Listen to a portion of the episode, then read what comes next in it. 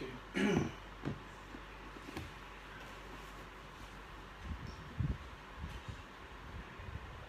Bismillah. Assalamualaikum warahmatullahi wabarakatuh.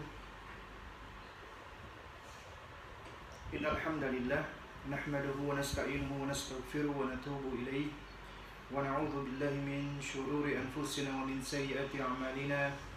من يهده الله فهو المهتد ومن يضلل فلن تجد له وليا مرشدا. أشهد أن لا إله إلا الله وحده لا شريك له وأشهد أن محمدا عبده ورسوله. لا نبي بعده أما بعد. فإن أصدق الكلام كلام الله وأحسن الهدى هدى محمد صلى الله عليه وسلم. وشر الأمور محدثاتها وكل محدثة بدعة. وكل بدعة ضلالة وكل ضلالة في النار أما بعد Jamaah sekalian Para ummahat dan akhwat Dari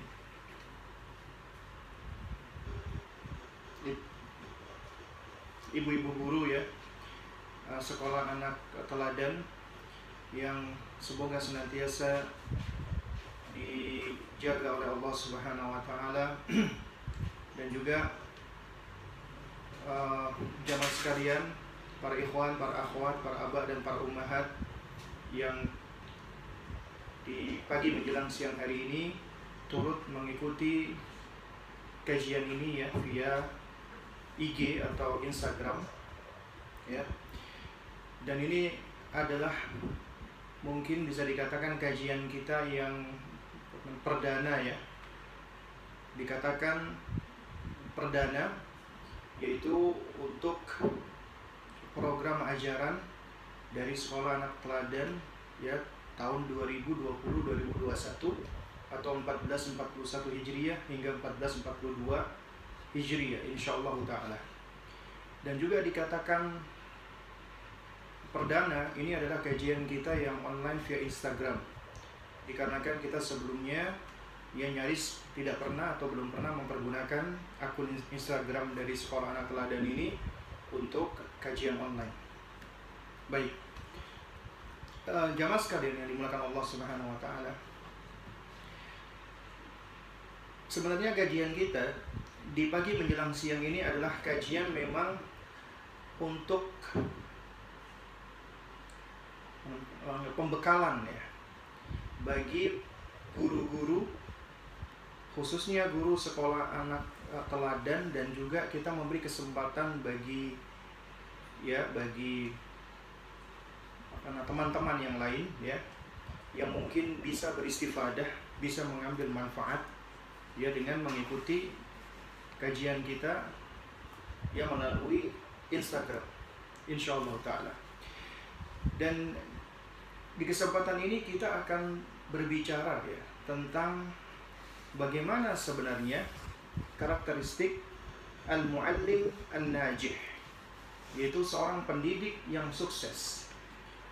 Nah, dan dikarenakan kita di sini adalah uh, banyak ya banyak berinteraksinya dengan anak-anak usia dini ya sehingga ya mungkin memang kita akan lebih khususkan kepada pendidik anak usia dini tapi tidak menutup kemungkinan ini juga merupakan prinsip-prinsip yang harus dimiliki bagi setiap pendidik ya untuk anak-anak didik di segala usia. Sebenarnya seperti itu.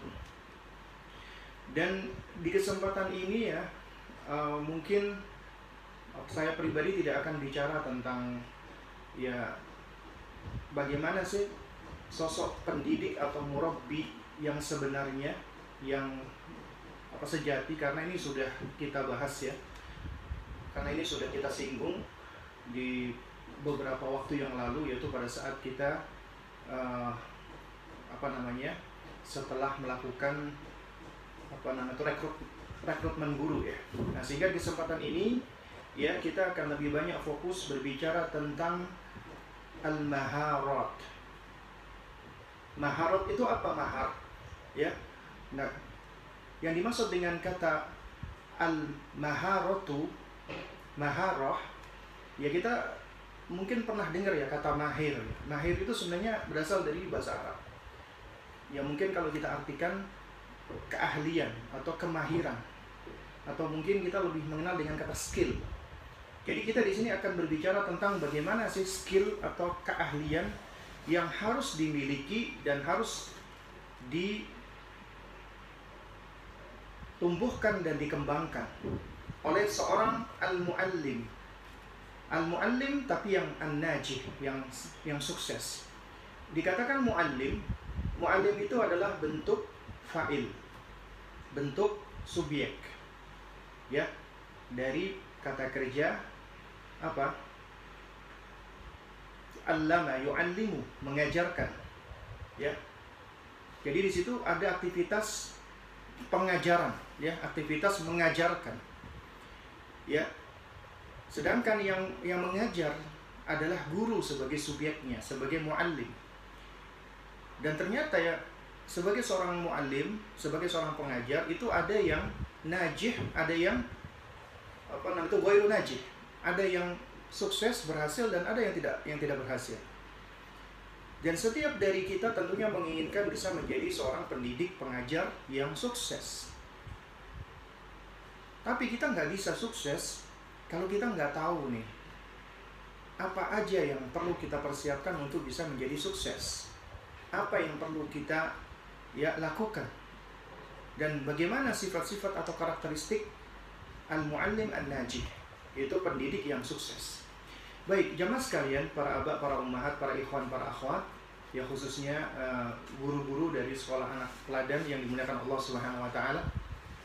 Sebenarnya kalau kita bicara tentang masalah skills atau al-maharat itu banyak sebenarnya poin-poin ya yang semestinya dikuasai oleh seorang pendidik. Ya. Nah, namun di sini saya hanya mengambil 10 poin saja. Dan ini sebenarnya saya nukilkan dari salah satu uh, risalah tulisan ya yang ada di Mauki atau yang ada di website al uh, apa UKAS ya namanya yaitu ada 10 10 maharat atau skills seorang pendidik sukses. Baik. Jamaah sekalian ya, kalau kita bicara ya dari konsep paling dasar ya, pastinya tentunya seorang pendidik itu nggak boleh lepas dari yang namanya keikhlasan ya, harus ikhlas. Ya, dan ini adalah hal-hal yang sebenarnya sudah kita bahas ya.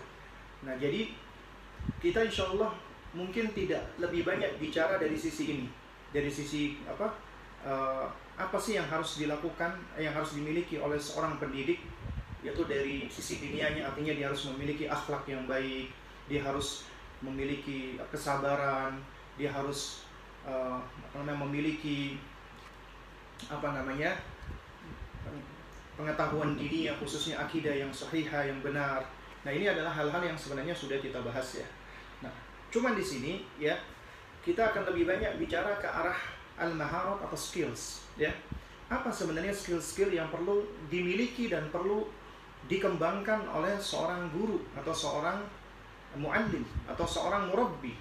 Baik itu guru anak usia dini juga termasuk orang tua.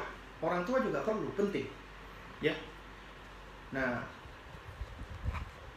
mungkin ibu-ibu di sini sudah sudah dapat ya, ya semacam image ataupun dalam bentuk PDF yang sudah saya share di grup. Dan nanti mungkin insya Allah bagi kawan-kawan yang ada di Instagram nanti insya Allah akan diposting insya Allah ya nanti ada ada 10 image ya tentang apa sih maharot atau skills seorang al-muallim an-najih nanti insya Allah juga akan diposting setelah kajian ini nanti insya Allah baik yang pertama ya seorang pendidik yang sukses ya seorang pendidik yang yang dia memang harus bisa mengembangkan dirinya ya untuk mendapatkan keberhasilan atau an-najih maka yang harus dia lakukan pertama kali ya itu adalah at-tahdir al musabbaq ya yang pertama dia persiapkan adalah at-tahdir yaitu dia harus melakukan persiapan al-musabbaq. Al-musabbaq itu adalah sesuatu yang harus sudah dikerjakan duluan. Ya, dia harus melakukan persiapan dini atau advance apa namanya preparation. Kalau mungkin kita di dalam lembaga sekolah mungkin kita lebih mengenal dengan namanya lesson plan. Ternyata lesson plan itu termasuk bagian yang harus dilakukan oleh seorang pendidik yang sukses. Kenapa? Karena pendidik yang sukses sebelum dia mengajar, dia harus sudah mempersiapkan dirinya. Dia harus sudah apa namanya, prepare. Dirinya harus sudah prepare, harus sudah siap. Nah, makanya dikatakan di sini ya, yang namanya al-muallim an-najih ketika dia melakukan at-tahdhir al-musabbaq yaitu persiapan dini atau advance preparation yaitu yahtammu al-muallimu an-najih ya hendaknya seorang pendidik yang sukses dia memperhatikan ya menaruh perhatian apa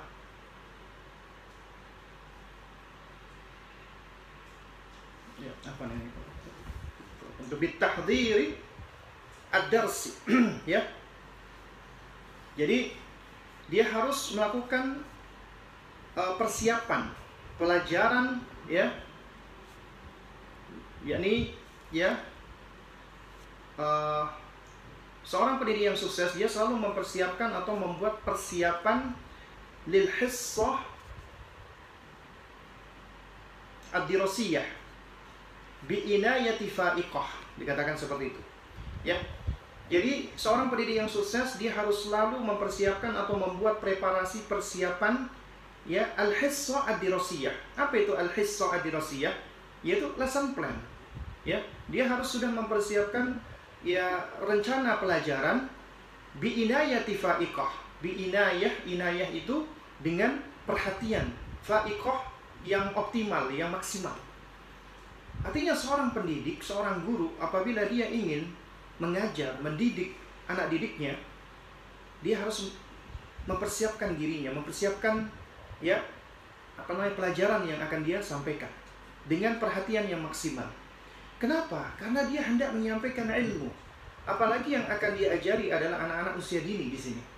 Sehingga tentunya kalau kita keliru di dalam menyampaikan suatu konsep, ya, kalau mungkin orang dewasa, mungkin orang dewasa ketika kita salah menyampaikan, kita keliru, itu masih bisa mereka memaklumi. Tapi kalau anak-anak tidak, tapi kalau anak-anak misalnya kita keliru di dalam menyampaikan sesuatu itu masuk ke dalam benak mereka, itu bisa akan membentuk ya konsep mereka ya ataupun akan membentuk faham apa namanya pemahaman mereka.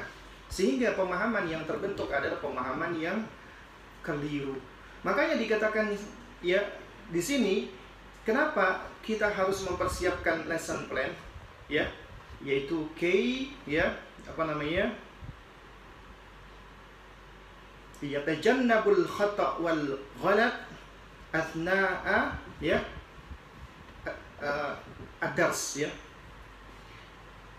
Jadi itu kita lakukan ya agar kita terhindar dari melakukan kekeliruan dan kesalahan di saat kita menerangkan pelajaran di saat kita memberikan pelajaran di saat kita mendidik mereka. Apalagi anak-anak usia dini, mereka seperti spons. Anda keliru di dalam menyampaikan, bahayanya, ya dikhawatirkan apa yang Anda sampaikan itu adalah ya suatu hal yang benar. Padahal Anda mungkin cuman keliru, salah mengucapkan, atau memang Anda sendiri uh, memang salah ataupun apa keliru ya. Nah, oleh karena itu makanya melakukan at-tahdir al-musabbaq ya yaitu persiapan dini atau advance preparation merupakan suatu hal yang harus dilakukan, yang wajib dilakukan oleh setiap guru. Dan ini juga suatu hal yang dilakukan oleh hampir semua pengajar sebenarnya. Mereka perlu murojaah, mereka perlu membuat apa namanya persiapan. Orang yang akan berkhutbah, misalnya khutbah Id atau khutbah Jumat, itu biasanya mereka akan murojaah dulu. Ya, mereka baca buku, mereka bikin poin-poinnya bahkan kadang-kadang sebelum khutbah mereka sudah buat materinya diketik ini termasuk bagian dari at-tahdir al-musabbah demikian pula seorang guru Jangan mentang-mentang dianggap yang diajari anak-anak ya mungkin uh, anggapannya gampang ya, lalu kemudian hanya sekedar menyampaikan. Nah, ini bukan karakteristik seorang al-muallim an-najis, bukan karakteristik seorang pendidik yang yang sukses. Seorang pendidik yang sukses ketika dia hendak mengajar, dia harus sudah tahu tujuannya, targetnya, ya. Itu kemudian dia buat semacam lesson plan-nya di situ. Itu yang pertama. Kemudian yang kedua, ya, skills atau maharat yang harus dimiliki oleh seorang al-muallim an-najih, seorang pendidik yang sukses adalah apa? At-tahiyatu adh-dhahniyah. At-tahiyah itu artinya sama, persiapan sebenarnya. Ya, yaitu kita melakukan preparasi, melakukan apa namanya preparation tapi adzahnia, adzahnia itu artinya mental.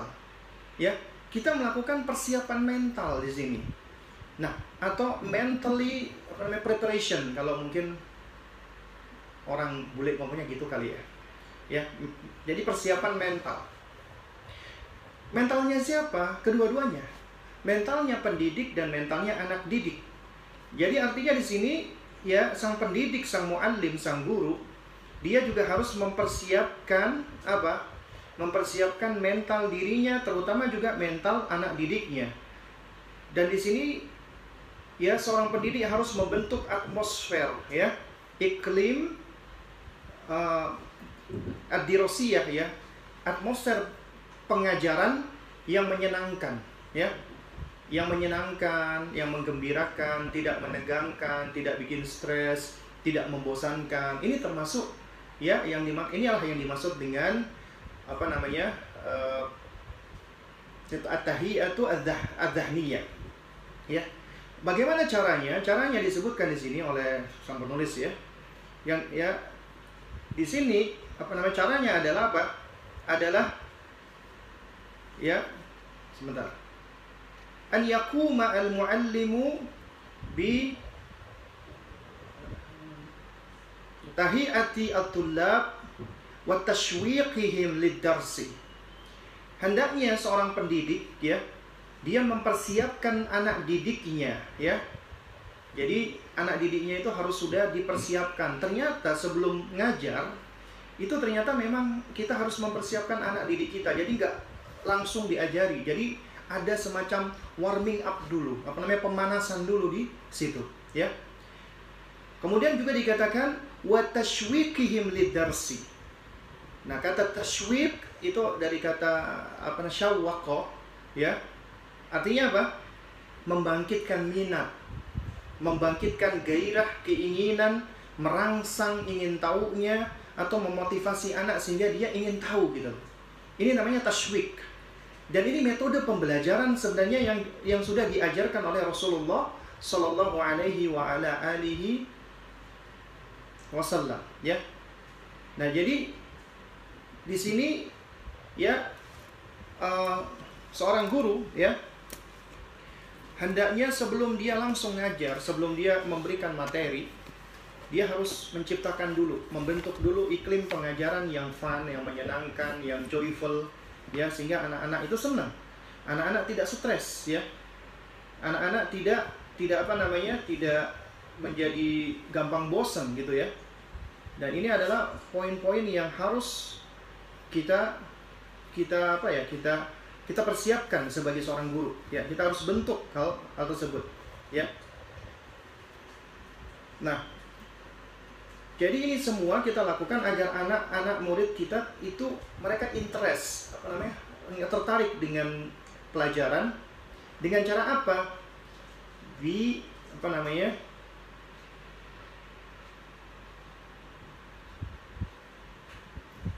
ya itharatihim wa apa namanya dengan cara membangkitkan dan memikat atau menarik perhatiannya bi umuri muayyanah dengan hal-hal yang spesifik yang sudah apa apa tertentu ya sawaan minal waqi entah itu kita bawakan suatu kenyataan atau apa apa realita ya ya au bitoriki as'ilati musyawwaqah. Atau dengan kita mengajukan pertanyaan-pertanyaan yang membuat anak tergugah rasa ingin tahunya apa curiosity-nya ya. Qabla al-bada'i bidarsi sebelum kita mulai pelajaran. Ini adalah kalau kita kita pahami bersama ya ibu-ibu sekalian ini adalah di antara metodenya Rasulullah SAW di dalam mendidik. Kalau kita perhatikan ternyata Nabi pada saat beliau itu berkomunikasi, berdialog, berbicara, berbincang-bincang dengan anak-anak, itu banyak pelajaran yang bisa kita ambil. Terutama di dalam aktivitas taklim, di dalam aktivitas pengajaran, pendidikan. Nabi sering kali ketika bicara sama anak-anak, Nabi tidak langsung menyampaikan intinya. Nabi bangkitkan dulu rasa ingin tahunya, ya, minatnya, curiosity-nya, ya itu dibangkitkan dulu oleh Rasulullah SAW. Nah karenanya kita dapati ternyata metodenya Rasulullah itu banyak mempergunakan metode apa? Soal wa jawab. Banyak mempergunakan banyak mempergunakan metode tanya jawab. Ya, misalnya contohnya Nabi Shallallahu Alaihi Wasallam ya, beliau apa namanya sering kali ketika hendak menyampaikan sesuatu beliau bertanya. Misalnya contohnya uh, tadruna ya ma hadzal yaum apakah kalian tahu hari apakah ini? Sahabat menjawab Allah wa rasuluhu a'lam. Kemudian Nabi mengatakan ini adalah yaumun nahar ini adalah hari penyembelihan. Ya. Jadi ketika beliau bertanya dulu ya itu beda dengan misalnya ketika kita ngomong ya uh, teman-teman hari ini adalah hari penyembelihan. Beda dengan teman-teman, apakah kalian tahu ya sekarang atau hari ini adalah apa namanya? hari apa misalnya begitu ya. Nah itu ibu-ibu yang insya Allah lebih paham lah untuk penyampaian-penyampaian yang seperti itu. Juga sama ketika Nabi uh, pernah uh, ingin menjelaskan tentang orang-orang yang merugi. Nabi nggak langsung mengatakan al-muflisu huwa orang yang merugi adalah enggak. Nabi Nabi tanya dulu. Atadruna manil muflis? Apakah kalian tahu siapa orang-orang yang merugi? Kemudian ada sahabat yang menjawab orang yang merugi adalah orang yang tidak punya harta, tidak punya ini. Kemudian ya diluruskan oleh Rasulullah. Orang yang muflis itu adalah orang yang datang di hari kiamat dengan sholatnya, dengan uh, dengan ibadahnya ya nah dengan apa namanya dengan ber, ber, apa dengan berbagai macam ibadahnya ya tapi semua amal ibadahnya itu malah dilemparkan ya. Intinya dia menjadi orang yang merugi. Juga misalnya contoh lainnya lagi ketika Nabi bersabda kepada Muaz bin Jabal ya Muaz atadri ma haqqullahi 'alal ibad wa ma haqqul ibadi 'ala Allah? Wahai Muaz kamu tahu nggak apa haknya Allah yang harus ditunaikan oleh oleh eh, apa haknya Allah yang harus ditunaikan oleh hamba dan haknya hamba yang akan ditunaikan oleh Allah. Ini metodenya Rasulullah. Soal wa jawab, bertanya jawab. Makanya kalau kita perhatikan para ulama-ulama kita ketika menulis buku-buku pendidikan tentang masalah akidah khususnya itu dengan metode tanya jawab. Dan juga ya kalau kita perhatikan juga ternyata metode bertanya jawab baik dalam bentuk tulisan ataupun lisan itu sebenarnya lebih mudah dipahami. Ya. Nah ini adalah di antara cara-caranya Rasulullah Wasallam. Ya. Nah jadi itu disebutkan oleh para ulama ya cara pengajaran adalah dengan cara an apa namanya tariqi istikhdamil wasail ta'limiyah al-musyawwaqah yaitu dengan cara mempergunakan sarana-sarana atau cara-cara yang menarik perhatian, yang menggugah perhatian. Al-hadifah. Al-hadifah artinya harus ada tujuannya dong. Harus apa namanya? Eh, terarah, artinya nggak sembarangan. Ya, ad-wadhiha, yang terang dan yang jelas. Ya. Dan ibu-ibu sekalian yang dimuliakan Allah. Apa namanya? uh, ibu-ibu pernah nggak dengar hadis Nabi SAW? Yaitu hadis Nabi memberikan kuis, memberikan semacam apa namanya uh, teka-teki kepada para sahabatnya. Sebagaimana dikisahkan oleh Abdullah ibnu Umar radhiyallahu taala anhuma. beliau pernah diajak oleh abinya Umar ibn Khattab datang ke majelisnya Rasulullah. Ketika itu sahabat-sahabat senior hadir. Beliau di antara yang paling muda. Hadir apa sahabat-sahabat yang sudah senior, bapaknya itu Abu Bakar radhiyallahu taala anhu, ada sahabat-sahabat yang lainnya. Kemudian Nabi saw itu bersabda kepada para sahabatnya. Nabi mengatakan, Inna minasyajari syajaratun ya la yaskutu warakuha wa innaha mathalul muslim. Ya sesungguhnya ada di antara pohon itu pohon yang ketika dia itu memiliki daun daunnya jatuh apa jadi daunnya itu tidak tidak pernah jatuh gitu loh daunnya tidak tidak gugur kata Nabi wa inna muslim pohon ini itu seperti seorang muslim nah kemudian Nabi tanya apakah kalian tahu pohon apa ini ya kemudian sebagian sahabat menjawab ya uh, dikatakan sebagai apa namanya uh, apa namanya sajarul bawadi katanya Ya Rasulullah, apakah itu pohon-pohon bawadi? Bawadi itu pohon-pohon yang ada di apa lembah-lembah itu ya, yang ada di lembah-lembah. Jadi memang ada pohon-pohon kecil, tanaman-tanaman kecil itu memang uh, daunnya tidak gugur ya. Nah, kemudian Abdullah ibnu Umar yang hadir, beliau apa namanya mengatakan ya, wa waqa'a fi nafsi annaha an-nakhlah. Aku ini di dalam benakku, di dalam diriku menduga yang dimaksud Nabi itu adalah pohon kurma. Tapi beliau malu menyampaikan. Kenapa malu? Karena ada abinya, ada orang-orang yang senior dibanding beliau. Ini adalah malunya Abdullah bin Umar. Ya.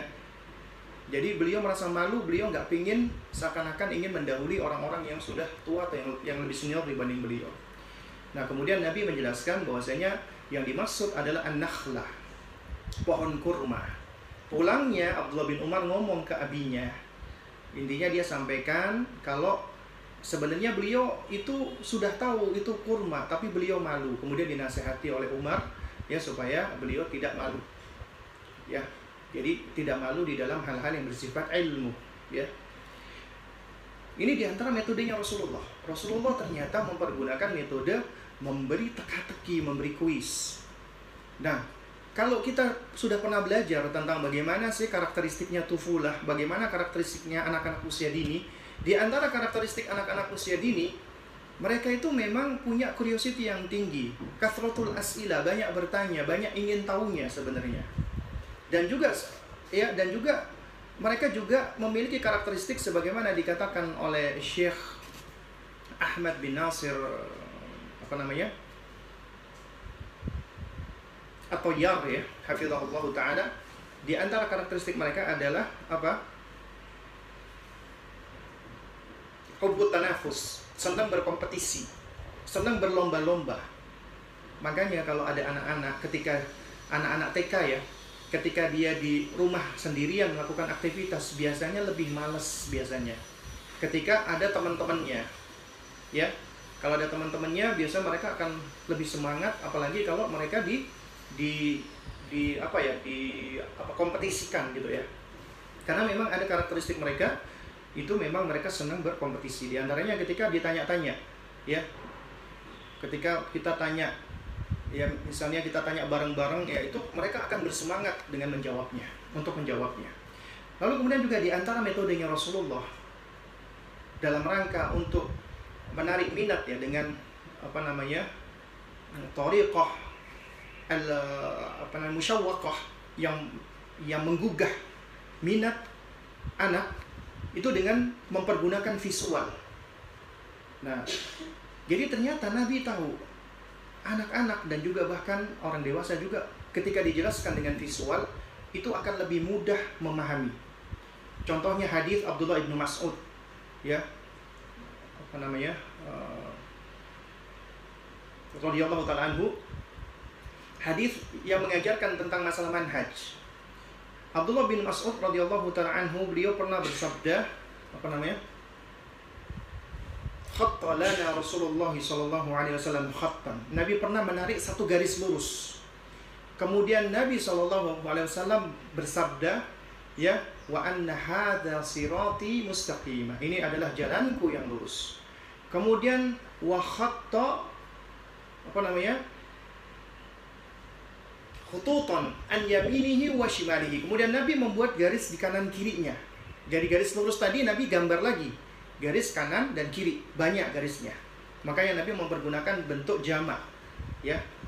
Bentuk jamak dari kata garis itu apa? Khutut ya. Nah, kemudian Nabi mengatakan wahadihi subula. Ini adalah jalan-jalannya. Ya. Ini adalah apa apa subul ya maksudnya Nabi ya ini adalah jalan-jalan. Yang mana tiap jalan ini ada syaitan yang menyeru apa namanya kepadanya. Nah, kemudian Nabi membacakan firman Allah wa anna hadza sirati mustaqima fattabi'uhu wa la tattabi'u ya. Subulah ya. Fatafarriqu bikum an sabili. Dan ini adalah jalanku yang lurus ikutilah janganlah kamu mengikuti jalan-jalan yang lainnya yang bisa memecah belahkan apa yang bisa memecah belah kamu dari satu jalan yang lurus tadi. Juga sama di dalam riwayat yang lain Nabi pernah membuat satu garis ya. Kemudian Nabi menjelaskan ini adalah angan-angan manusia. Nabi ingin mengkonkretkan loh angan-angan manusia itu loh. Cuman seperti ini doang. Juga di kesempatan yang lain Nabi pernah menggambar empat garis. Ada empat garis.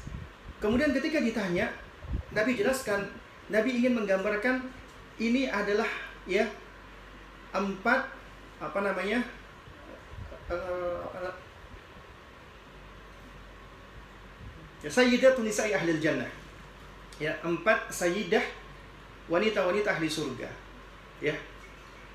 Dan ini cara-cara visual yang dilakukan oleh Rasulullah. Kalau kita mau cari di dalam hadis ya itu banyak ternyata. Nabi memberikan penjelasan dengan cara-cara visual. Ya.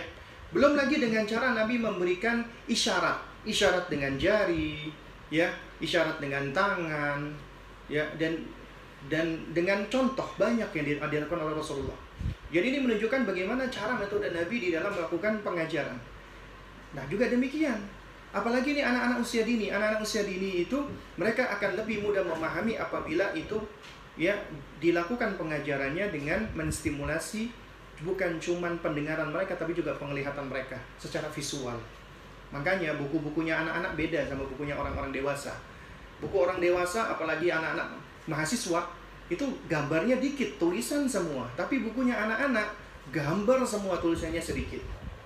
Ya, karena memang beda karakternya, karakteristiknya beda. Nah, oleh karena itu makanya ya adalah suatu hal yang benar ketika ada yang mengatakan ya apa namanya uh, ketika mengatakan apa namanya ta'amul kibar ya. Apa namanya? Samun lisibyan. Makanannya orang dewasa itu sejatinya bisa menjadi racun untuk bayi untuk anak-anak. Dalam hal makanan saja sudah beda ya. Apalagi tentunya dalam hal-hal yang lainnya ya. Ini poin yang kedua ya skill yang kedua. Kemudian skill yang ketiga yang hendaknya dimiliki ya al maharat skill yang dimiliki oleh seorang pendidik yang najih, yang sukses hendaknya mereka mampu untuk melakukan tanwi'ul muthirat. Tanwi ya kita mungkin pernah dengar kata nau'un ya, anwa'un, jenis macam-macam. Artinya variatif. Artinya seorang pendidik harus bisa mencari variasi-variasi al-muthirat. Al-muthirat itu ya yang membangkitkan atau yang menstimulasi anak. Ya maknanya adalah menstimulasi sebenarnya, ya.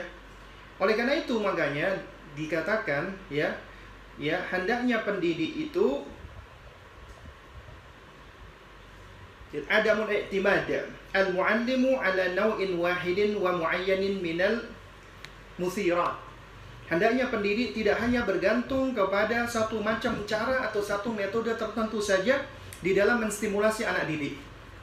Metode konvensional, ya itu biasanya anak-anak cuma disuruh duduk, mendengarkan. Dulu ketika saya masih SD juga juga sama, guru datang, ya uh, ketua kelasnya bilang berdiri, memberi hormat, duduk, kemudian diem, ya.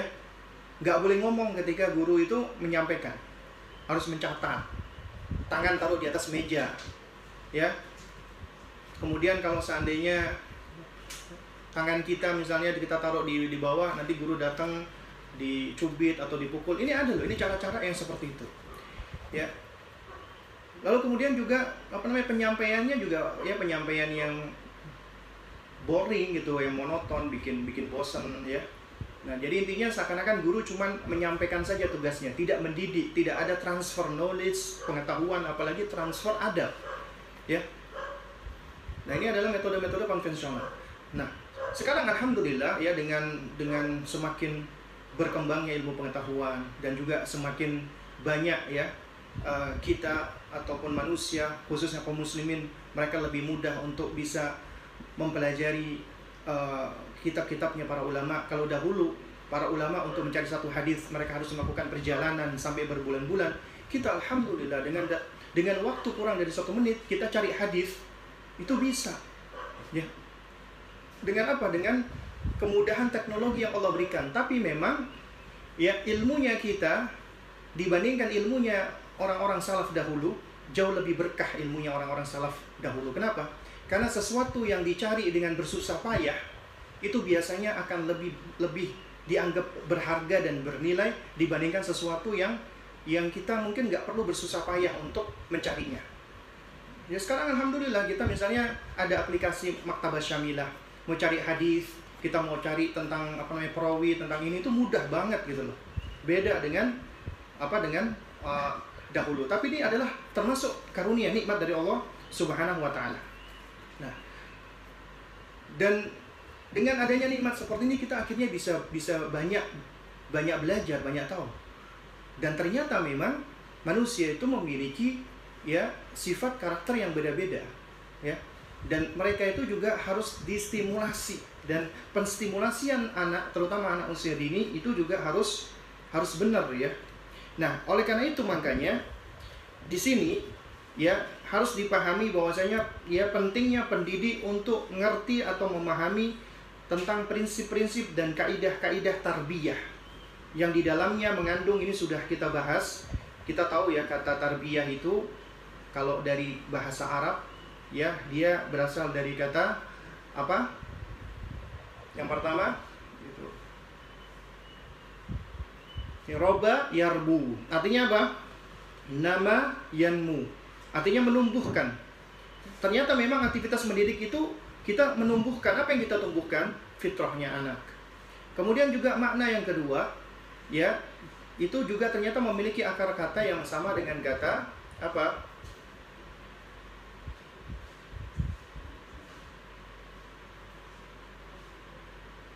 Robia yarba ya.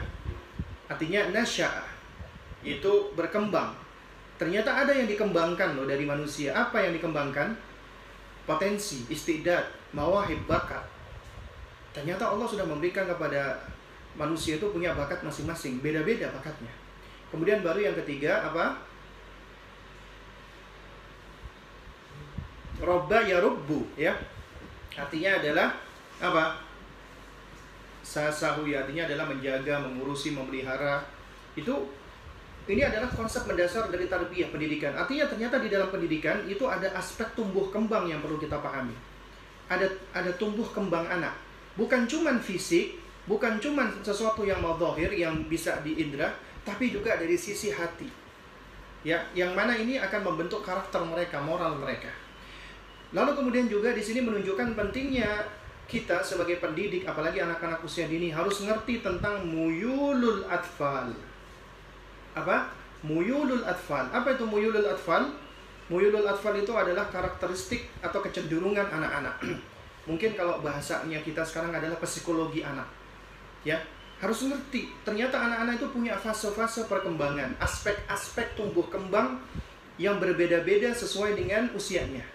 Ini harus dimengerti oleh setiap orang tua bahkan sebelum jadi orang tua juga harus ngerti ternyata manusia itu memang bertahap berfase dan kemudian juga ini menunjukkan kita sebagai guru sebagai pendidik juga harus ngerti bahwasanya anak-anak itu memiliki istidat memiliki potensi dan style atau gaya belajar yang berbeda-beda.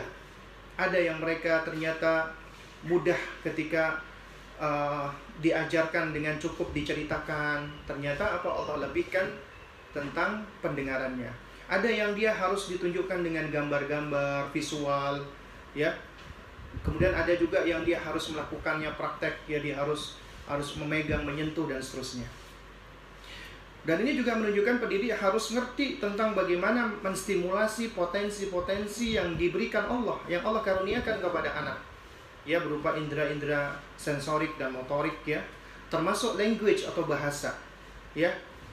Jadi itu harus distimulasi secara memadai secara uh, cukup ya tidak kurang dan tidak berlebihan artinya juga kita jangan sampai over stimulasi dan jangan sampai juga kita kurang di dalam menstimulasi ternyata kita butuh ilmu di dalam hal ini dan ini juga men, apa menunjukkan pentingnya kita sebagai pendidik harus memahami keunikan dan keistimewaan masing-masing anak.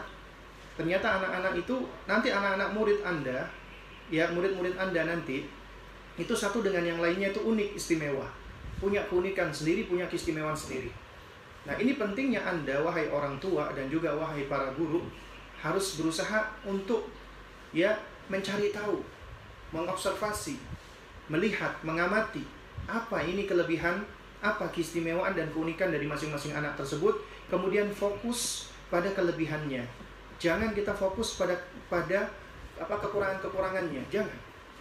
Ya seorang pendidik yang sukses dia fokus kepada kelebihan anak. Kemudian itu dikembangkan, ditumbuhkan, dilejitkan. Insya Allah dengan kelebihan itu maka kekurangannya akan eh, tertutupi. Ya. Kemudian ketika melakukan stimulasi tadi, itu dengan cinta kasih, perhatian, tidak dengan paksaan, dengan cara bermain yang menyenangkan, menggembirakan. Kemudian juga dilakukan secara tadarruj, ini penting, bertahap. Nggak langsung ujuk-ujuk blok instan banyak disampaikan tidak, harus sedikit-sedikit ya. Dan harus istimror, continue, berkesinambungan. Karena yang namanya pendidikan itu adalah aktivitas kita mendidik bukan uh, sampai anak di usia sekian tidak mendidik itu adalah terus-terusan. Ya, imma sampai kita yang meninggal dunia atau sampai anak didik kita yang meninggal dunia. Dan ini adalah suatu aktivitas yang merupakan investasi paling menguntungkan di muka bumi ini yaitu ketika kita menjadi pendidik dan kita mendidik apalagi anak usia dini. Ya. Kalau mungkin kita perhatikan ada orang-orang kuliah. Ya dia belajar. Dia kuliah di mana? Kuliah di uh, di fakultas ekonomi, kemudian dia belajar tentang bagaimana caranya investasi yang baik. Itu semua adalah investasi-investasi yang mungkin hanya menguntungkan di dunia saja, cuman sementara. Tapi investasi yang paling menguntungkan di dunia dan di akhirat adalah ketika Anda menjadi orang tua dan ketika Anda menjadi pendidik. Itu investasi yang paling menguntungkan. Kemudian yang keempat ya. Wah, ini masih banyak ternyata. Ya, yang keempat, di antara skill yang perlu dikuasai dan dimiliki oleh seorang pendidik yang sukses adalah istikhdamul wasaidit tarbiyah. Ya, ia harus mampu untuk menggunakan sarana-sarana atau alat-alat bantu, penyokong, pendukung edukasi atau pendidikan. Dan dia harus tahu ketika dia mempergunakan sarana atau alat bantu pendidikan itu harus tahu tujuannya. Ya, kemudian sesuai nggak dengan tujuan pengajaran kemudian dia harus bisa melihat uh, fungsinya, manfaatnya, efektivitasnya dan efisiensinya pula juga harus bisa dia lihat. Kemudian dari sisi munasabah, apa namanya? Uh, relevan tidak loh. Ini alat penunjang ini apa relevan tidak dengan tema pembahasan, dengan topik bahasan. Kemudian apa ini apa uh, sesuai nggak dengan usia anak misalnya ya nah jadi media atau sarana penunjang pendidikan ini itu dia memang punya fungsi ya yang memang fungsinya ini adalah dalam rangka mewujudkan atmosfer pembelajaran yang lebih efektif dan menyenangkan. Ya dan kemudian media-media pembelajaran ini memang fungsinya adalah untuk mempercepat mengakselerasi ya proses apa namanya uh, realisasinya tujuan dari pendidikan itu sendiri. Dan juga untuk meningkatkan kualitas pendidikan. Dan juga ini dalam rangka untuk kita meletakkan dasar-dasar konkret di dalam berpikir dan memahami. Agar lebih mudah. Jadi apa namanya uh, takribul faham istilahnya, mendekatkan pemahaman. Agar pemahaman anak didik kita itu ya lebih mudah.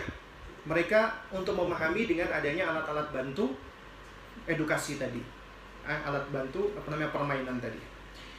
Kemudian yang kelima adalah maharatu wuduhi asyarhi wa tafsir.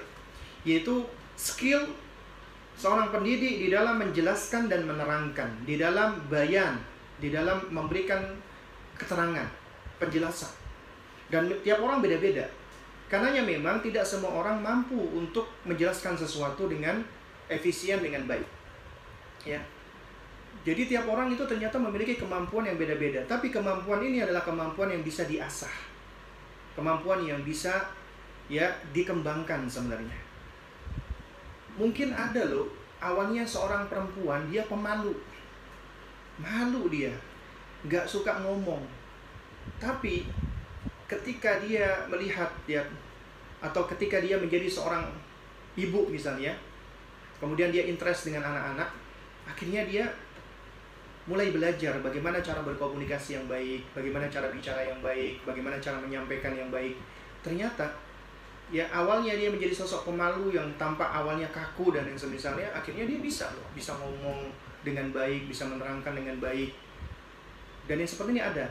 Nah, jadi intinya begini loh, Allah memang memberikan keistimewaan dan kelebihan masing-masing. Tapi ada hal-hal yang mungkin kita biasa-biasa aja, tapi kita bisa meraihnya dengan apa? Dengan upaya, dengan effort.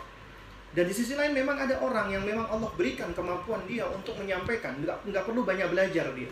Itu udah menjadi bakatnya dia. Ada yang seperti ini memang, ya. Nah, cuman ya orang yang dia punya keinginan yang baik, punya tujuan, kemudian dia berusaha untuk meraihnya. Kemudian dia mengambil sebab, ya. Dan dia berusaha dengan berbagai macam effort itu jauh lebih baik karena Allah melihat proses semakin susah proses yang dilakukan yang dilalui maka insya Allah ganjarannya akan semakin lebih lebih besar. Ya. Nah oleh karena itu memang ya skill di dalam masalah memberikan penjelasan ini adalah bisa pertama memang ada orang memiliki faktor bakat kemampuan memang ya dia memiliki kemampuan menyampaikan dan ini ini adalah suatu hal yang nyata real. Contohnya misalnya Rasulullah SAW. Nabi itu ketika mengutus utusan delegasi di antaranya untuk untuk berdakwah, Nabi nggak asal milih. Nabi ngeliat nih sahabat yang paling pintar ngomong siapa ini, sahabat yang paling pintar untuk menjelaskan siapa ini, nggak asal sembarangan. Dilihat oleh Nabi Muaz bin Jabal. Ternyata Muaz bin Jabal itu memiliki kemampuan untuk menyampaikan yang baik. Eh, punya skill apa namanya uh,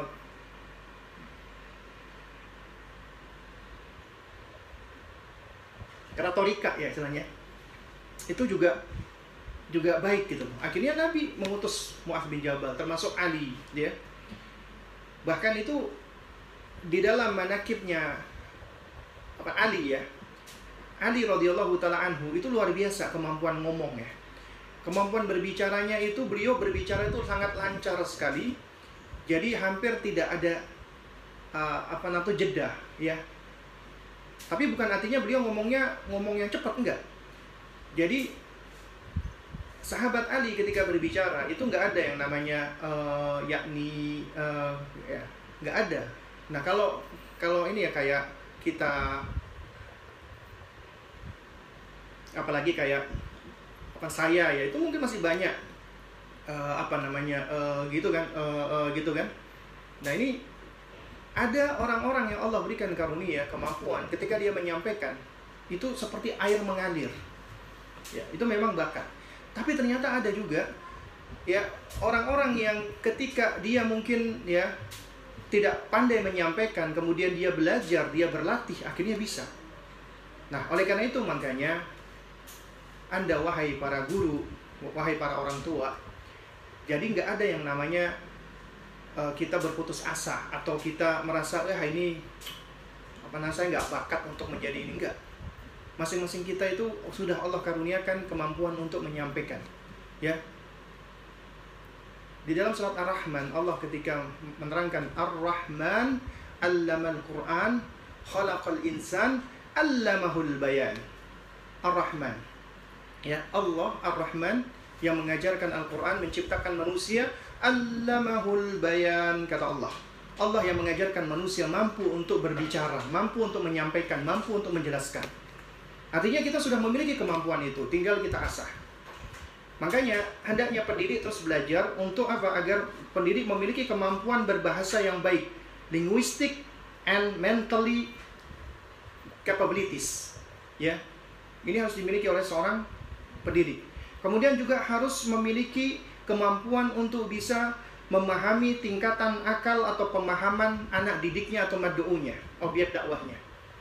Makanya ya di antara bentuk hikmah itu adalah apa namanya? Khotibin nas ala hasabi ukulihim. Ya, ajaklah manusia berbicara sesuai dengan tingkatan akalnya. Demikian pula Anda ketika ngajak anak usia dini harus sesuai dengan tingkatan akalnya. Kemudian metodenya Nabi ketika ketika beliau ngomong itu disebutkan di dalam buku-buku apa Syama'il Muhammadiyah ya. Itu Nabi itu gaya ngomongnya adalah tartil wa tarsil. Tartil wa tarsil. Tartil itu artinya pelan-pelan. Pelan artinya tidak terlalu pelan dan tidak terlalu apa cepat. Memang benar sih ngomong tentang masalah gaya bahasa. Ngomong ini memang banyak faktor ya. Wilayah, lingkungan, kebiasaan, Kayak misalnya contohnya, apa saya pribadi, saya tinggal di lingkungan orang-orang timur. Ibu saya orang Sulawesi Tengah, bapak saya orang Maluku Utara. Kalau keluarga saya datang dari dari Maluku, itu ngomongnya nggak ada yang pelan. Kayak orang kampung ngirain ini apaan nih kok kayak berantem, tapi sebenarnya bukan. Karena ngomongnya keras dan ngomongnya cepat. Ada logatnya, ada dialeknya. Padahal saya tinggal di Surabaya lama, makanya kalau saya ngomong saya orang Surabaya banyak yang nggak percaya ya nah sedangkan di Jawa Tengah misalnya orang-orangnya mungkin lebih kalem ngomongnya jadi kalau menyampaikannya pelan-pelan susah untuk sebagian orang memang tapi ini memang sangat bergantung dengan kondisi nah tapi di situ ada yang namanya suatu hal yang ideal ideal itu adalah yang dimiliki oleh Rasulullah Rasulullah itu ketika ngomong dengan cara yang tartil dan tarsil. Dan yang menarik ibu-ibu sekalian, saya pernah melihat ada beberapa orang ketika dia ngomong dengan temennya biasa, ngomongnya itu cepat. Ya iya itu bagaimana sebegitu ya. Tapi ketika dia ngajar, itu luar biasa bagus. Ya. Dan saya juga dulu punya teman-teman yang ada di Mahat ya. Itu ketika ngomong logatnya dia, logatnya orang Papua misalnya itu ada tapi ketika khutbah Jumat hilang logatnya. Bahkan bagus kalimat-kalimatnya. Perkataannya. Kenapa? Karena dia membiasakan diri dan belajar. Bisa. Jadi ibu-ibu sekalian juga bisa sebenarnya. Belajar cara ngomong, berkomunikasi, menyampaikan ke anak-anak. Semakin sering dilatih akan semakin baik, ya. Uh, makanya di sini ada metode namanya belajar tartil dan tarsil. Tartil pelan-pelan, tarsil itu berurutan. Kemudian juga Nabi memiliki cara menyampaikan dengan cara tikror. Apa tikror? Mengulang-ulang sebagian kata yang penting. Di apa namanya? di diulang-ulang. Ya, hal-hal yang penting. Itu beliau ulangi dalam rangka untuk menekankan sesuatu. Kemudian juga harus ekspresif, artinya tidak datar. Ya. Nabi itu orang yang ekspresif, karena dikatakan di Syamil Muhammadiyah itu bisa ketahuan. Ibunda Aisyah bisa tahu dari air mukanya Rasulullah. Rasulullah lagi sedih, Rasulullah lagi marah, lagi lagi bahagia itu bisa bisa ketahuan gitu. Ini artinya menunjukkan beliau orang yang ekspresif. Ada loh orang tidak ekspresif, nggak ketahuan ini orang lagi sedih atau enggak. Wajahnya dingin. Nah, mohon maaf yang seperti ini memang untuk menjadi guru anak usia dini kurang cocok. Ya, kalau misalnya dari wajahnya itu ya udah apa namanya dingin gitu nggak ketahuan. Ini lagi ketika ngajarin itu susah dia untuk untuk ekspresif gitu ya. Nah tapi juga ini sebenarnya bisa dilatih sebenarnya. Melatih untuk berekspresi. Melatih untuk menampakkan emosi ya bukan artinya kita belajar untuk berakting bukan ya bersandiwara. Kalau mungkin artis-artis atau aktor pinter ya. Kadang-kadang dia nangis bujuk-bujuk nangis bohongan orang di sampingnya ikutan nangis. Ya. Dikarenakan apa? Dikarenakan memang dia pintar untuk menunjukkan emosi. Dan manusia itu mudah dipengaruhi emosi. Manusia itu mudah dia dipengaruhi oleh emosi yang ada di dekatnya. Anda ibu-ibu ngelihat orang orang ini nggak perlu ngomong menunjukkan wajah yang sedih. Kita tiba-tiba ikut sedih loh. Bahkan nggak perlu itu kita ngelihat ada orang tiba-tiba dia ketawa ngakak. Itu menyebabkan kita pengen ketawa juga loh. Kita nggak tahu apa yang menyebabkan dia ketawa. Ya. Kenapa? Karena ternyata kita lebih di lebih mudah dipengaruhi oleh namanya emosi tadi. Makanya ibu-ibu kalau ngajar dengan emosi positif anak-anak yang tadinya bete yang tadinya lagi bad mood ibu-ibu dengan semangat dengan ceria dengan gembira anak-anak ikut gembira ikut ceria makanya itu saya dari awal sering kali menyampaikan harus persiapkan diri makanya mentally apa namanya preparation sebelum ngajar, sebelum masuk kelas. Harus menyiapkan mental. Jangan sampai ketika kita lagi bete, ada masalah sama suami, ngajar, waduh bahaya. Ya, bisa-bisa bisa-bisa bahaya. Jadi harus dipersiapkan mentalnya. Ya. Toib. Kemudian yang keenam ya. Wah, ini sudah pukul 11.25 nih ya. Yang keenam adalah skill maharat at-ta'ziz yaitu skill untuk memotivasi, menyemangati, mendorong. Ini penting dimiliki oleh seorang guru, ya. Artinya ya seorang muallim itu dia hendaknya memiliki al-qudrah, kemampuan ala tashji'i tullabah min khilali mukafa'ati tullab. Yaitu hendaknya seorang pendidik maksud saya bukan pemimpin ya. Seorang pendidik memiliki kemampuan untuk menyemangati, mendorong, memotivasi anak didiknya dengan cara apa? Di antara cara yang sering kali ditunjukkan oleh berbagai macam buku, baik itu buku-buku dinia agama dan juga bahkan sebagian buku yang saya baca dari buku-buku apa namanya psikologi modern itu dengan cara apa? Mukafaatitullah. Mukafaah itu artinya adalah dengan cara membalas apa yang dilakukan oleh orang lain dalam hal ini anak didik kita dengan cara yang baik, dengan cara memberi pujian, memberikan hadiah, reward dan yang semisalnya dalam rangka untuk menarik hatinya. Ya, wa ta'zizi hubbihi. Ini tujuannya. Kita tujuannya adalah untuk membangkitkan kecintaan anak didik kita agar mereka senang belajar. Ya, senang belajar wa tansyiti ya dan dalam rangka untuk apa? Untuk menyuburkan ar-raghbah. Semangat mereka fi di dalam belajar. Jadi kita sebenarnya ketika memiliki kemampuan seperti ini ya kita bisa membangkitkan uh, semangat mereka. Itu sebenarnya ya di antara tujuan penting yang bisa kita raih adalah apa ibu-ibu sekalian? Adalah supaya mereka itu senang dengan belajar cinta dengan belajar. Belajar itu adalah perkara yang mengasyikkan. Belajar itu adalah perkara yang menyenangkan. Coba kita perhatikan anak-anak zaman sekarang Belajar itu menjadi suatu hal yang apa? Tidak disukai. Belajar itu adalah suatu hal yang memberatkan, membosankan. Banyak yang gak senang sama belajar. Kenapa? Karena memang dari awal sudah dibentuk image belajar itu tidak menyenangkan. Nah makanya sekarang itu yang lagi dikembangkan itu metode edutainment. Edutainment istilahnya. Jadi bagaimana mengedukasi dengan cara entertainment bukan entertainment yang haram bukan ya tapi bagaimana mengedukasi dengan cara yang menyenangkan. Ini perlu dipelajari. Baik ini karena waktu ya jadi insya Allah poin-poin berikutnya akan saya jelaskan singkat-singkat saja ya. Yang ketujuh adalah tahdidul ya, tahdidul ahdaf wa wad'ul khatat at-ta'limiyah al-qawiyah wal mumayyazah. Yaitu seorang pendidik yang sukses dia harus bisa menentukan tujuan harus bisa apa namanya uh, nyeting goal ya setting goals sudah bisa menentukan tujuannya dia tujuan dia pendidikan apa tujuannya itu macam-macam. Ada tujuan jangka panjang, tujuan jangka pendek. Ada tujuan apa namanya pembelajaran ya. Ya. Baik, ini sepertinya putus ya yang di sini ya. Yang di mana? Yang di Instagram putus. Sebentar ya. Saya coba posting lagi ya. Uh, coba online lagi maksudnya. Sebentar.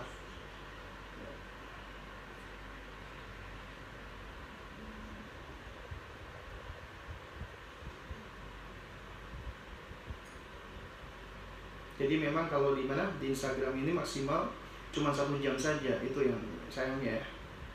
Coba kita live lagi. Bismillah.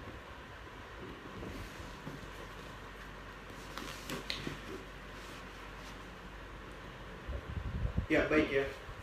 Baik ini uh, mohon maaf bagi kawan-kawan yang online di Instagram ya karena putus ya. Sebab memang di Instagram kita cuma bisa live maksimal hanya satu jam saja kemudian putus dan harus koneksi ulang lagi. Baik. Jadi kita ulangi lagi poin yang ketujuh ya skill yang perlu dimiliki oleh seorang pendidik yang sukses adalah dia harus mampu memiliki kemampuan maksud saya tahdidul ahdaf yaitu harus bisa setting goals menentukan tujuan tujuan pendidikan dia. Ketika dia misalnya hari ini dia sudah punya lesson plan tujuan hari ini untuk materi ini temanya ini apa tujuannya? Nah ternyata tujuan itu nggak lepas dari adanya indikator-indikator dari kompetensi yang harus diraih. Ini kita harus tahu kita harus memiliki. Artinya kita ketika mengajar bukan bukan kosong-kosongan aja bukan cuman ya kita berbekal kemampuan pintar ngomong enggak. Kita tetap harus tahu ketika kita menyampaikan ini tujuan kita apa. Kemudian kita bisa ya bisa uh, mengklasifikasikan apa yang kita sampaikan ini itu berhasil atau tidak itu harus ada indikatornya. Nah ada nggak indikatornya? Ini perkara-perkara yang perlu kita kita persiapkan dan kita pahami. Kemudian juga wawadul khatat at-ta'limiyah al-qawiyah wal apa namanya mumayyazah dan juga harus memiliki ya harus maksudnya membuat ya perencanaan-perencanaan. Jadi kata al-khatat di sini artinya program atau perencanaan-perencanaan atau planning atau alimiah pembelajaran. Harus membuat perencanaan pembelajaran, lesson plan ya maksudnya. Ya, al-qawiyya wal mumayyiza yang maksimal dan apa yang istimewa, yang unik, yang apa namanya? Uh, arahnya jelas gitu loh. Ya. Jadi bukan sembarangan karena itu makanya sebenarnya ketika kita mendidik anak usia dini ya itu sebenarnya nggak nggak boleh asal-asalan. Harus ada kurikulumnya. Karena itulah kita harus hikmah. Apa sih hikmah itu? Kita semua tahu ya metode Islam di dalam berdakwah termasuk di dalam mendidik dengan hikmah. Kalau secara bahasa maknanya adalah wad'u fi mahallihi meletakkan sesuatu pada tempatnya ya pada porsinya sesuai kapasitasnya itu hikmah memang. Nah, cuman yang menarik adalah apa yang disampaikan oleh Al-Hafidh Ibnu Qayyim rahimahullah taala ketika menjelaskan hikmah wad'u syai' fi mahallihi. Ya, uh, afwan. Fi'lun ma yanbaghi ala wajhi alladhi yanbaghi fi waqti alladhi yanbaghi. Itu hikmah. Hikmah adalah fi'l uh, apa namanya? Fi'lun ma yanbaghi. Melakukan sesuatu dengan tepat Artinya yang kita lakukan itu harus tepat, harus benar. Bagaimana kita bisa tahu tepat itu itu benar? Berarti harus punya landasan, harus punya pijakan, harus punya dasar. Dasarnya apa? Tentunya kita sebagai muslim untuk bisa mengatakan sesuatu itu benar, baik, ya, alal khair, tentunya nggak bisa keluar dari yang namanya Al-Quran dan Sunnah. Itu pijakan kita. Jadi apabila sesuatu itu berpijak dari Al-Quran dan Sunnah, ya, maka ini adalah hikmah yang pertama. Yaitu fi'lun mayam bagi kita melakukan sesuatu dengan benar sesuai dengan dalil dari Quran dan Sunnah. Tapi ternyata cuman ya hanya sekedar itu saja tidak cukup loh. Kenapa? Karena ya kita perlu ada ada cara di situ. Makanya dikatakan fi'lun mayam bagi ala wajhil ladhi yang bagi itu dengan cara yang juga tepat artinya di dalam prakteknya di dalam pengamalannya juga harus benar, harus apa namanya tepat, ya, harus sesuai. Ternyata ada kurikulumnya, ada metodenya, ada manhajnya. Gak bisa sembarangan, ya. Fi waktil yang bagi. Fi waktil yang bagi artinya harus juga dilakukan sesuai dengan waktunya, momennya juga harus pas, nggak boleh sembarangan, harus dilakukan pada waktu dan momen-momen yang tepat. Ya, kayak misalnya contohnya begini, kita bicara. Al-Quran dan Sunnah itu hak tidak? Benar, hak. Ya, kita meyakini Al-Quran dan Sunnah itu adalah kebenaran dari Allah, pasti benar Al-Quran dan Sunnah. Tapi ternyata orang-orang yang berpegang dengan Al-Quran dan Sunnah belum tentu benar loh. Kenapa demikian? Karena sering kali orang yang yang mengaku aku berpegang dengan Quran dan Sunnah itu sebenarnya kebanyakan masih sekedar klaim, ya, atau ternyata dia pengamalannya keliru. Misalnya bisa kita ambil contoh ya, orang-orang Khawarij. Khawarij ini adalah kelompok paling sesat dari Islam dari umat Islam ada namanya kelompok Khawarij. Kalau kita perhatikan Rasulullah Shallallahu Alaihi Wasallam, beliau adalah orang yang paling menjaga lisan. Hampir tidak pernah berkata-kata kata-kata yang keras, yang apa istilahnya itu mengandung celaan. Tapi bukan artinya Nabi tidak pernah mempergunakan uslub atau cara seperti ini. Jadi Nabi mempergunakan cara seperti ini apabila memang itu pas di antaranya terhadap Khawarij. Nabi Nabi katakan Khawarij itu siapa? Kila bunar, anjing-anjing neraka. Bayangkan nih, Rasulullah mengatakan Khawarij itu anjing-anjing neraka. Dan Nabi itu ketika menasihatkan sahabatnya, ya, Nabi itu mengatakan apabila ya kalian itu berjumpa dengan mereka, kalian akan merasa ibadah kalian gak ada apa-apanya. Ya, ya kita merasa ibadah kita gak ada apa-apanya mereka membaca Al-Quran tapi Al-Quran itu tidak sampai di apa namanya di uh, apa namanya uh, tenggorokan mereka ya. Dan mereka keluar dari Islam seperti anak panah yang melesat dari busurnya. Ini karakter yang disebutkan oleh Nabi. Kenapa demikian? Kalau kita lihat mereka orang-orang soleh orang-orang yang soleh orang-orang yang baik ya gemar beribadah malam harinya sholat malam siangnya berpuasa. Soleh nggak soleh? Tapi ternyata mereka sesat tersesat bahkan dicela oleh Rasulullah. Dikatakan sebagai anjing-anjing neraka. Kenapa? Karena kebodohan mereka itulah yang menyebabkan mereka sesat. Bukan sekedar bodoh tapi mereka keras kepala dan sombong. Dan mereka tidak segan-segan menumpahkan darahnya kaum muslimin. Membunuh orang-orang Islam dan itu sangat berbahaya. Makanya Ali, sahabat Ali radhiyallahu taala anhu, ketika beliau memerangi Khawarij dan kemudian orang-orang Khawarij itu mendebat sahabat Ali dengan Al-Qur'an, apa jawaban sahabat Ali? Ni'mat dalil wa bi'sal istidlal. Apa yang mereka sampaikan itu adalah sebaik-baiknya dalil. Al-Quran sebaik-baik dalil. Tapi bi'sal istidlal, seburuk-buruk cara mempergunakan dalil. Seburuk-buruk istidlal. Contoh lagi yang kedua. Ada sebagian orang-orang sufi keblinger, sufi ekstrim yang meyakini akan adanya derajat-derajat manusia, syariat, torikot, makrifat. Katanya apabila seorang manusia sudah mencapai tahap hakik, tahap apa namanya yang paling tinggi ya, saya lupa apakah apa namanya hakikat kalau nggak salah namanya istilahnya. Ya artinya ketika sudah sampai tahap hakikat udah nggak perlu lagi beribadah. Kenapa? Dalilnya Al-Quran.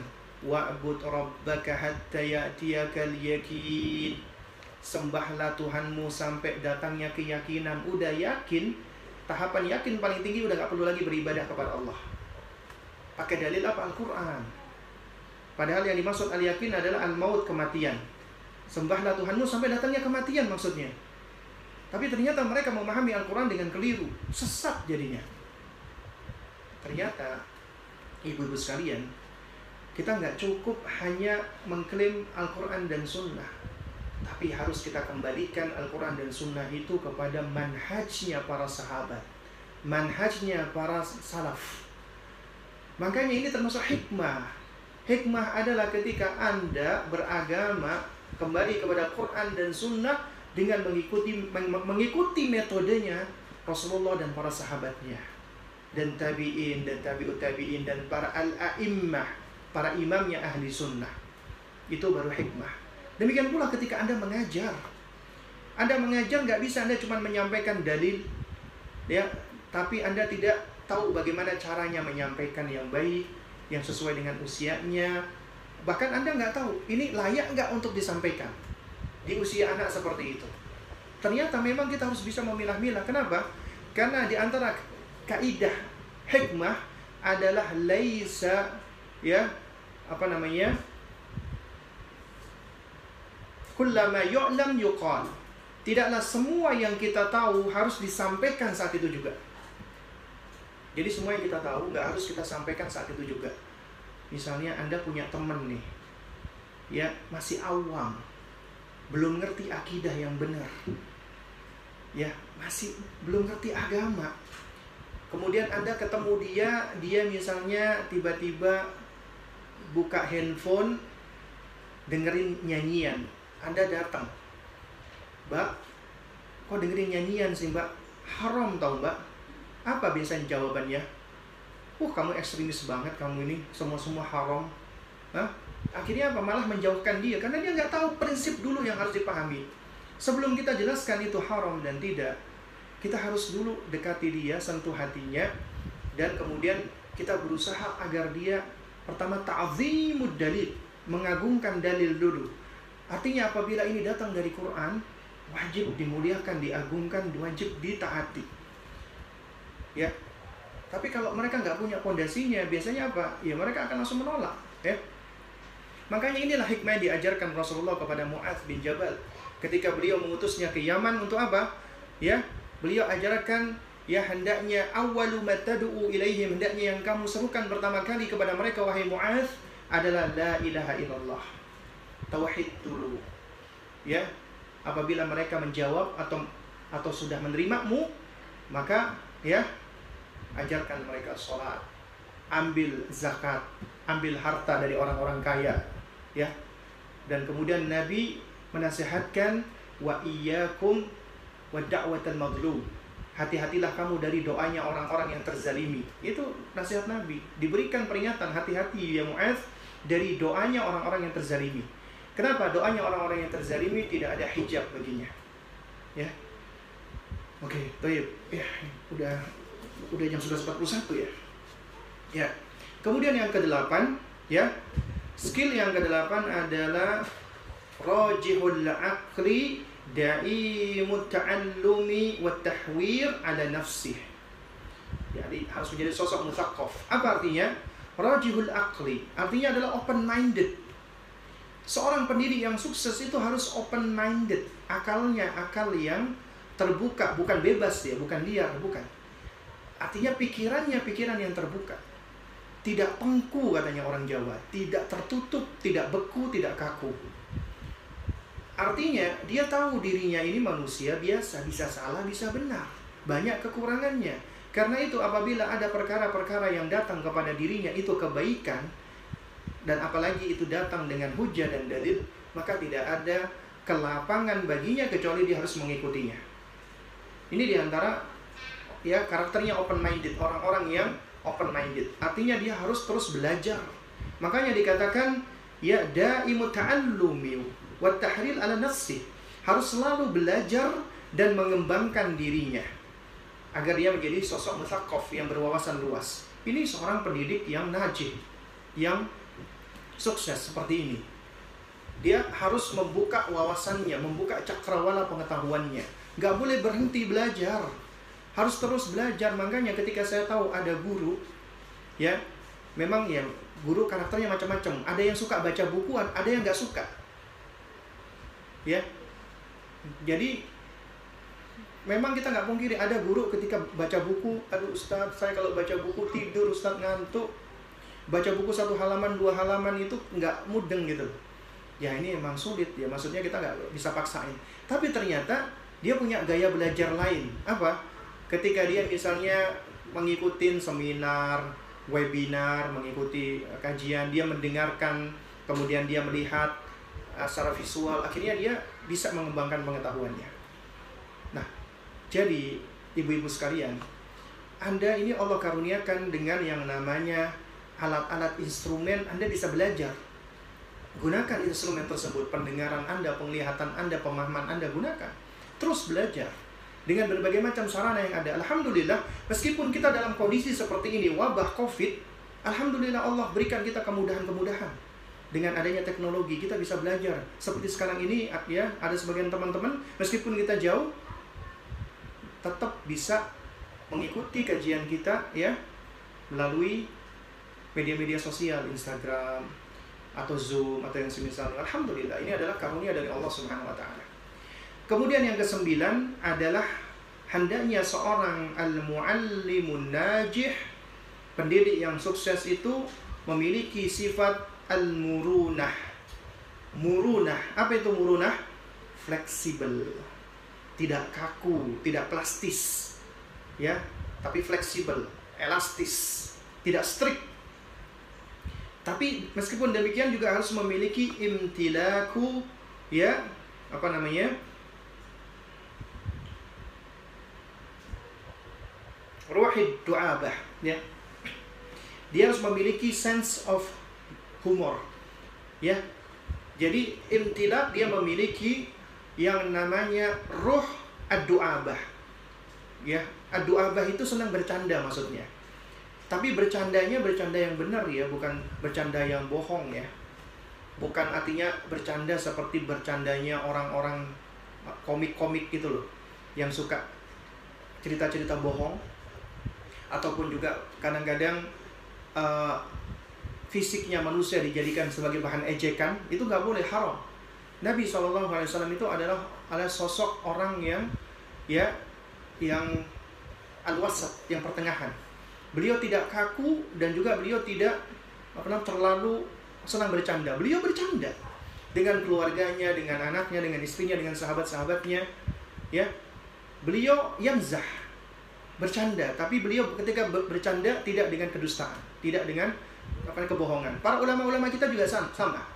Juga mereka melakukan canda karena bercanda itu adalah suatu hal yang lebih bisa apa namanya menenangkan hati, bisa menarik hati ya. Itu maksud saya. Karena itu anak-anak juga sama, anak-anak juga Anda harus punya sense of humor tapi yang baik. Harus bercanda sama mereka, Anda candai dengan cara yang benar Meskipun demikian, Anda tetap harus al-ildibat, tetap disiplin. Disiplin artinya ya Anda harus bisa menjadi sosok yang memiliki al-muru'ah, ke apa kewibawaan. Ya, meskipun Anda ini ya mungkin apa maksudnya bercanda sama mereka tapi tetap harus menjaga wibawa. Ya. Kemudian yang terakhir adalah sifat apa namanya? tawadhu rendah hati dan hubbul atfal dan senang sama anak-anak. Ini juga di antara kunci. Kalau Anda tidak senang sama anak-anak percuma, ya. Dan ini artinya fitrah sudah mulai rusak.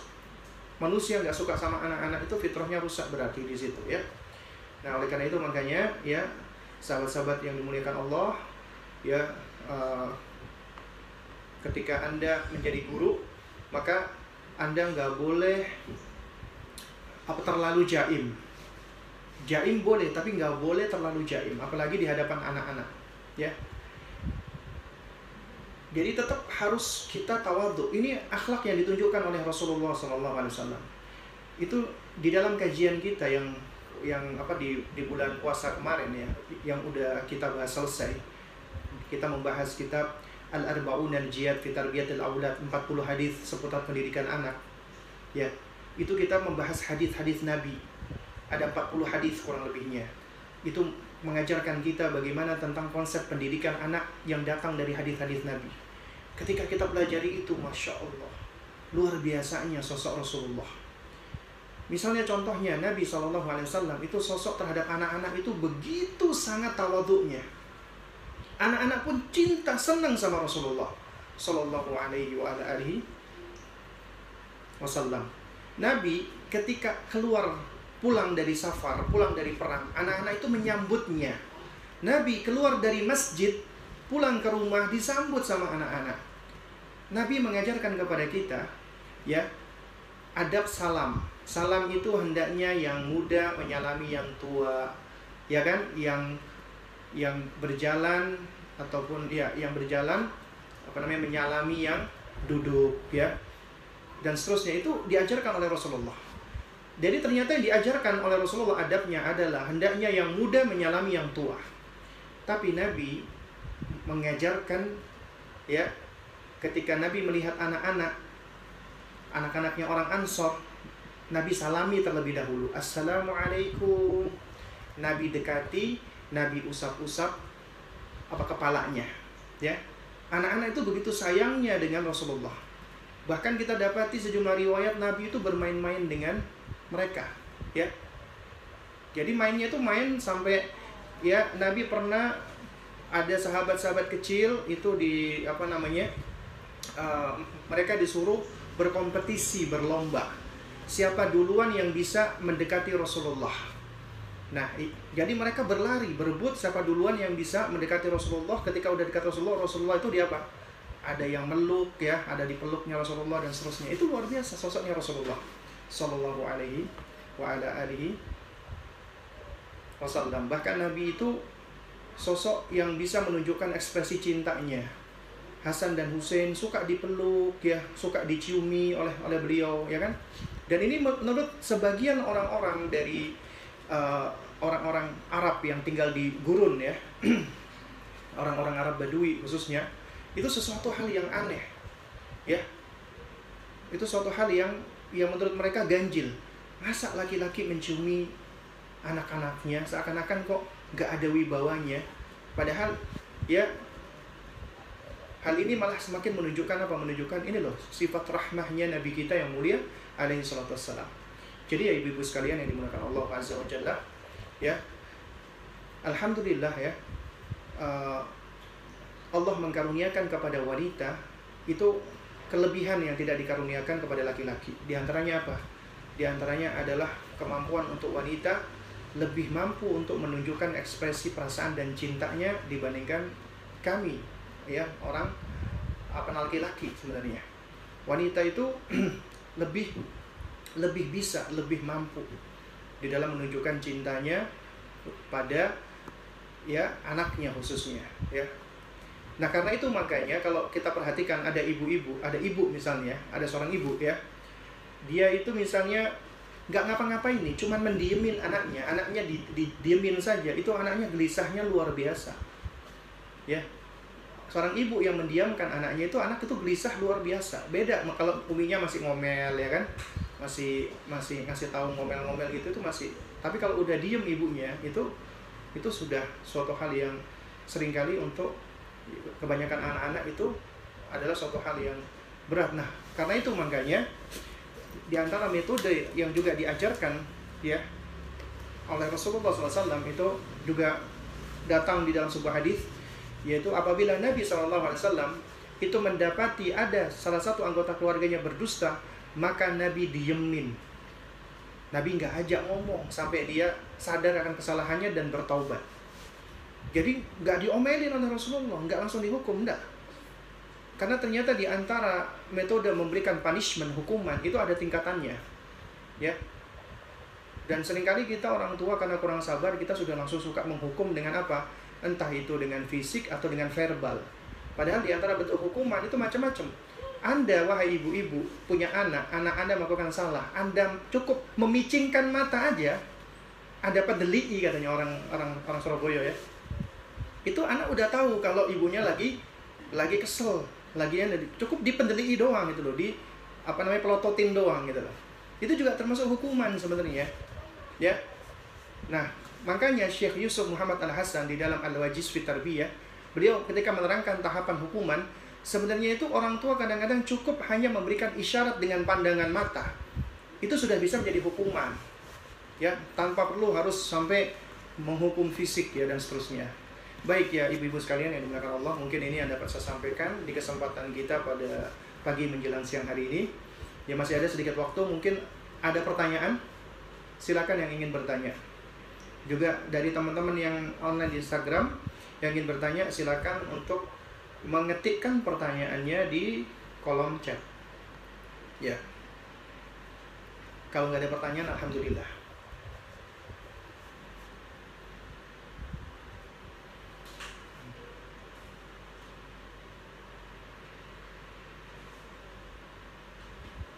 Nggak ada ya ibu-ibu sekalian ya.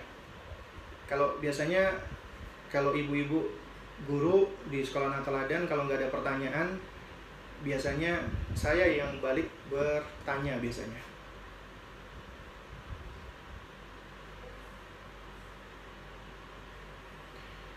Nah ini ada pertanyaan yang masuk ya dari dari apa dari Instagram. Bagaimana mengatasi anak yang bosan saat belajar daring?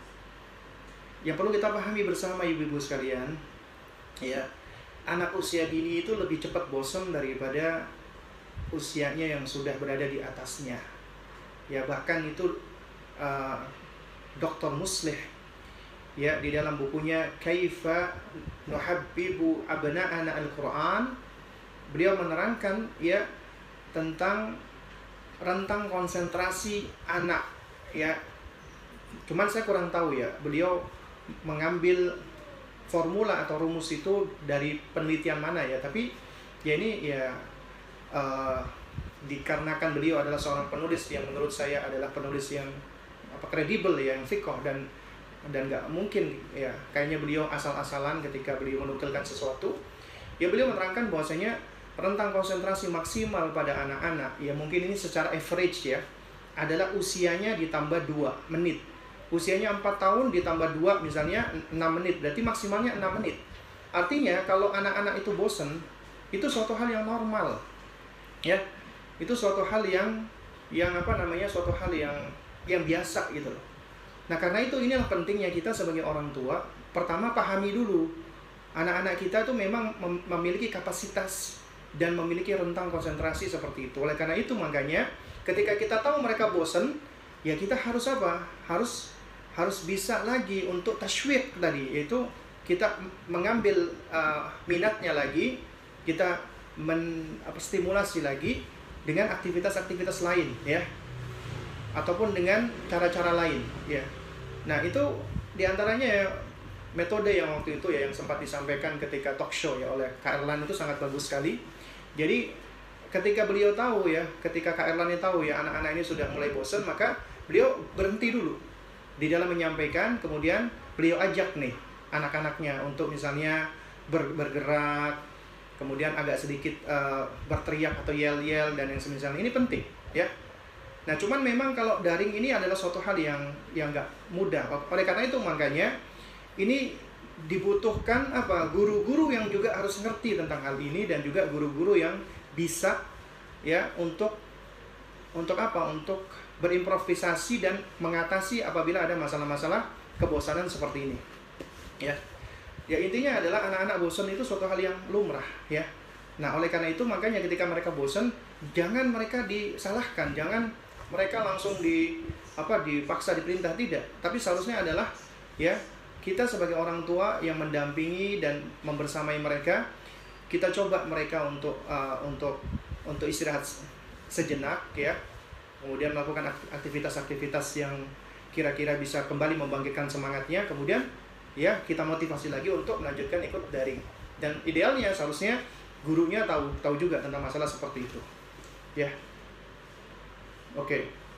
Wah ini pertanyaan sudah banyak banget nih ibu-ibu sekalian yang ada di Instagram ini. Bagaimana mengatasi anak yang sedang tantrum ya yang pertama orang tuanya sabar, jangan ikut-ikutan tantrum. Anaknya tantrum kebanyakan orang tua akhirnya ikut-ikut tantrum juga. Akhirnya kalau anaknya tantrum, ibunya tantrum, wah sudah. Masalah mah ya berat. Jadi yang harus dilakukan apa? Yang harus dilakukan adalah ya kita harus mengidentifikasi sebenarnya kenapa anak itu tantrum dan tantrumnya anak itu sebenarnya sebenarnya ya di usia-usia dini itu masih dalam tahapan wajar kecuali apabila dia sudah berlebihan. Nah, kemudian yang kedua, nggak kalah penting adalah ini perannya orang tua harus mulai mengajarkan emosi pada anak-anak tersebut ya. Harus diajarkan emosi. Mengenal emosinya mengidentifikasi emosinya melabeli emosinya. Kemudian dia harus belajar untuk bisa mengekspresikan emosinya dan ini juga harus ditunjukkan oleh orang tua. Orang tua juga harus bisa memanage emosinya. Orang tua nggak bisa manage emosi juga percuma. Ya. Kemudian yang ketiga ketika anak misalnya dia ingin ingin sesuatu nggak dipenuhi oleh orang tuanya kemudian dia nangis guling-guling tantrum kemudian orang tuanya mengalah dan menyerah akhirnya dipenuhi keinginannya itu malah semakin menyebabkan anak ini senang dengan perbuatan tantrum nah karena itu makanya orang tua juga harus sedikit tega. Artinya harus konsisten. Ketika anak menginginkan sesuatu dan itu adalah sesuatu yang tidak baik ya ataupun juga saat itu belum bisa diberikan anak nangis melakukan perbuatan tantrum biarkan. Biarkan dia mengeluarkan dulu ya semua energi-energi emosinya sampai dia sudah mulai tenang. Ketika dia sudah tenang baru kita tunjukkan apa namanya perhatian. Kita dekati kita peluk kita pandang matanya ya baru kemudian kita ucapkan kalimat-kalimat positif di antaranya Umi sayang sama kamu ya. Umi itu benar-benar sangat cinta sama kamu. Intinya kita tunjukkan kita sayang sama sama si anak anak tersebut tadi ya. Baru kemudian kita apa namanya kita peluk dan pelan-pelan ya kita jelaskan gitu. Ya Umi bukannya nggak mau belikan kamu itu atau belikan kamu mainan ya. Nah, jadi kita jelaskan alasannya. ya dan ya intinya juga yang tidak kalah penting lagi adalah jangan pernah kita meninggalkan doa ya kita doakan anak-anak kita karena tetap ya uh, hidayah itu ada di tangan Allah Subhanahu wa taala. Ya.